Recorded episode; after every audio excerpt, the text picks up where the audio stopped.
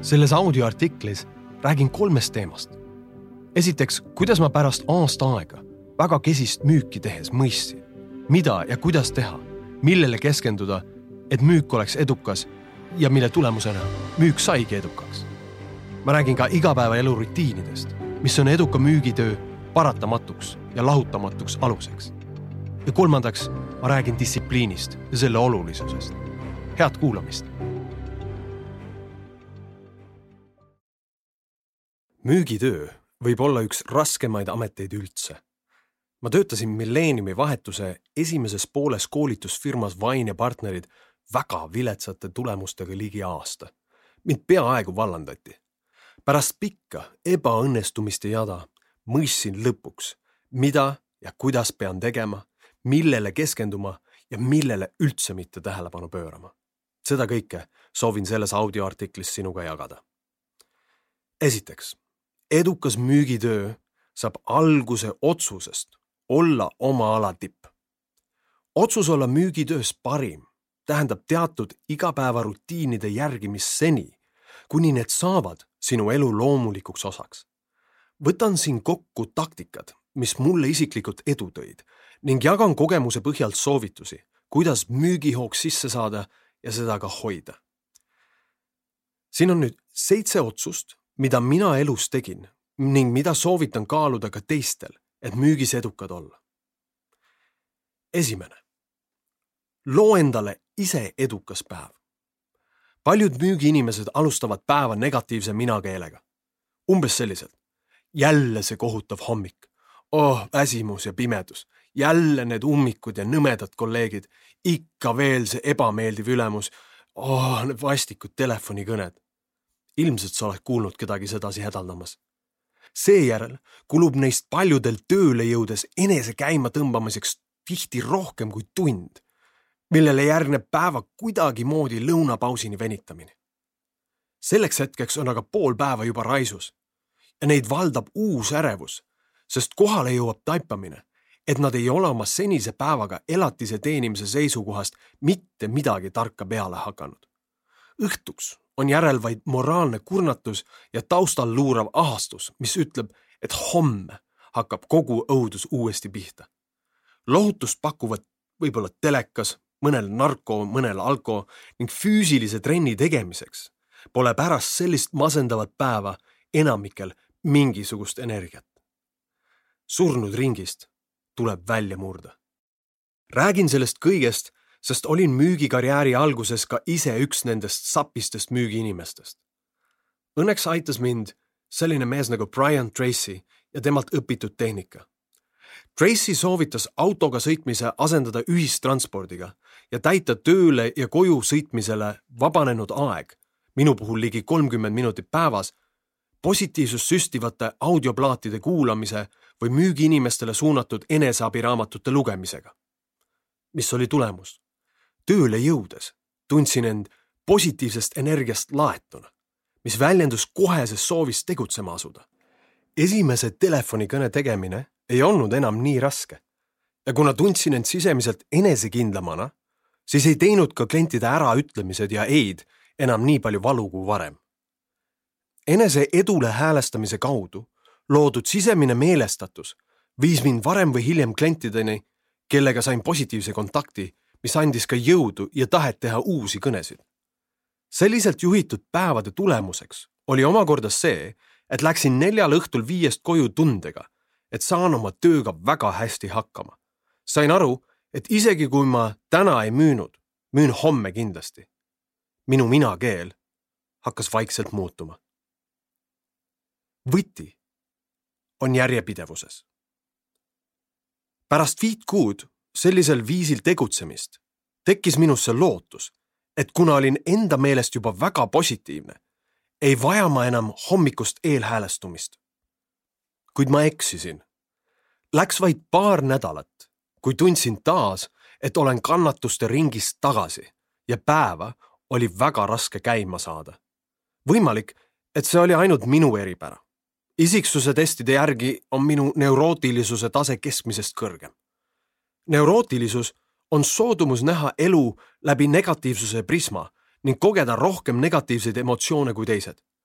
aastaid hiljem Tartu Ülikoolis psühholoogiat õppides sain ka teada, et neurootilisusele kalduvatel inimestel on näiteks rangelt mittesoovituslik jätta vahele hommikusöök. kuna neurootilised inimesed on nii või naa rohkem negatiivsed, siis ei ole tark tekitada endale lisastressi ka läbi veresuhkru kõikumise. Samuti ei ole neurootilistel inimestel soovitatav tarbida tööpäeva alguses uudismeediat.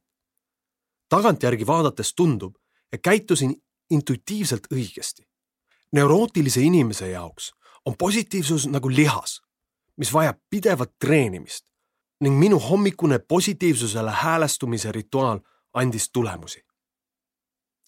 Selleks, et teada saada, milline on sinu isiklik suhe negatiivsete emotsioonidega, soovitan Jordan Petersoni tasulist isiksuse testi tema lehel, mis on www.understandmyself.com ehk siis www.understandmyself.com. järgmine mõte. suudle konna kohe. oletame, et kuuladki edaspidi tööle minnes positiivseid audioraamatuid ja teed endast kõik, et olla tööpäeva alguses heas meeleolus. kuid tea, et sama tähtis kui see, mida teed enne tööle jõudmist, on ka see, mida teed esimese asjana tööle jõudes kui jõuad kontorisse ja selle asemel, et kohe tööle asuda, alustad päeva hoopis kohvi joomise, ajalehtede sirvimise või kolleegidega suhtlemisega, on kogu sinu senine positiivsele häälestumine olnud mõneti asjatu. On väga suur tõenäosus, et nakatud teiste, nii ajalehest loetud kui kohvinurgas kuuldud muredega ning kaotad vajaliku ärksuse, mida tippsoorituseks hädasti vajad. mõnikord piisab vaid viiest minutist ja sa ei saa ennast ka järgmise ühe koma viie tunni jooksul korralikult käima. seega minu soovitus, tee esimene müügikõne ilma ühegi erandita iga päev kindlal kellaajal. võta endale eesmärgiks, et teed esimese kliendi kontakti iga päev näiteks hiljemalt kell kaheksa viisteist.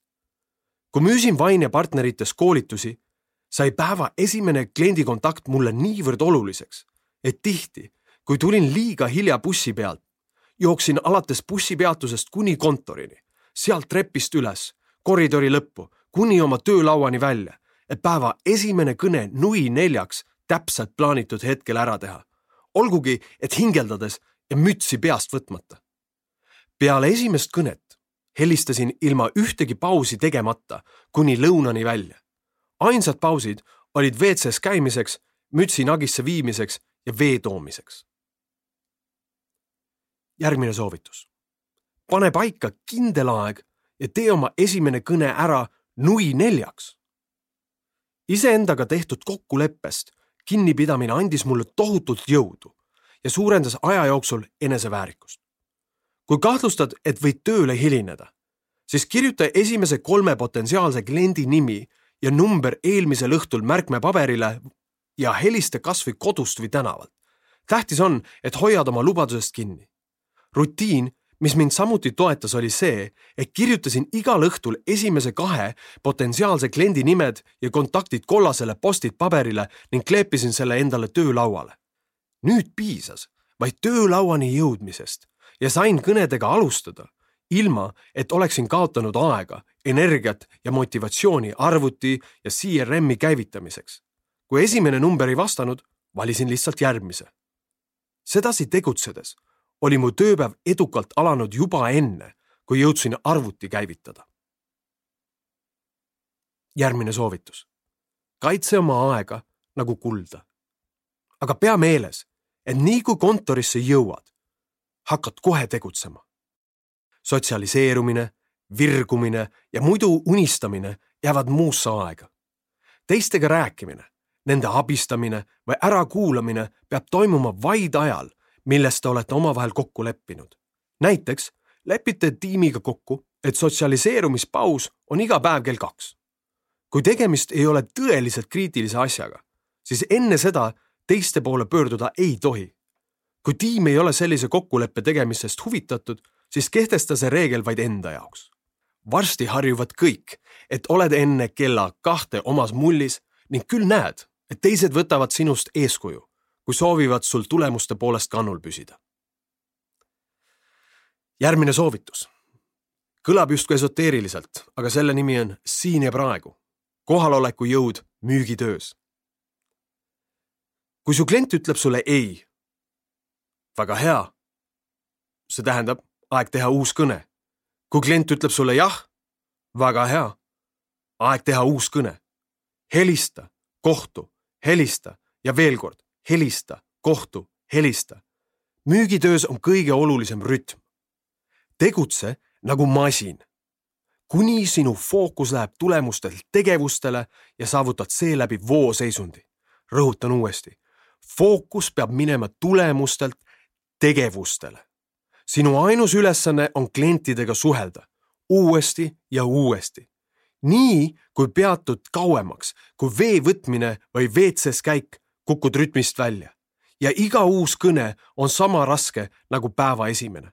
iga ei vastus teeb jälle haiget, iga kõrvaline segaja viib tähelepanu taas kolmekümneks minutiks eemale.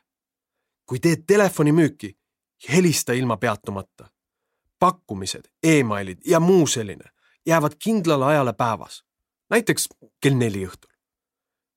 mis on halvim, mida niiviisi saavutad? müük. ei ole võimalik, et sa ei müü kaks korda rohkem, kui sa sooritad kaks korda rohkem kontakte. ja selleks, et sa saaksid kaks korda rohkem kontakte, on sul vaja distsipliini.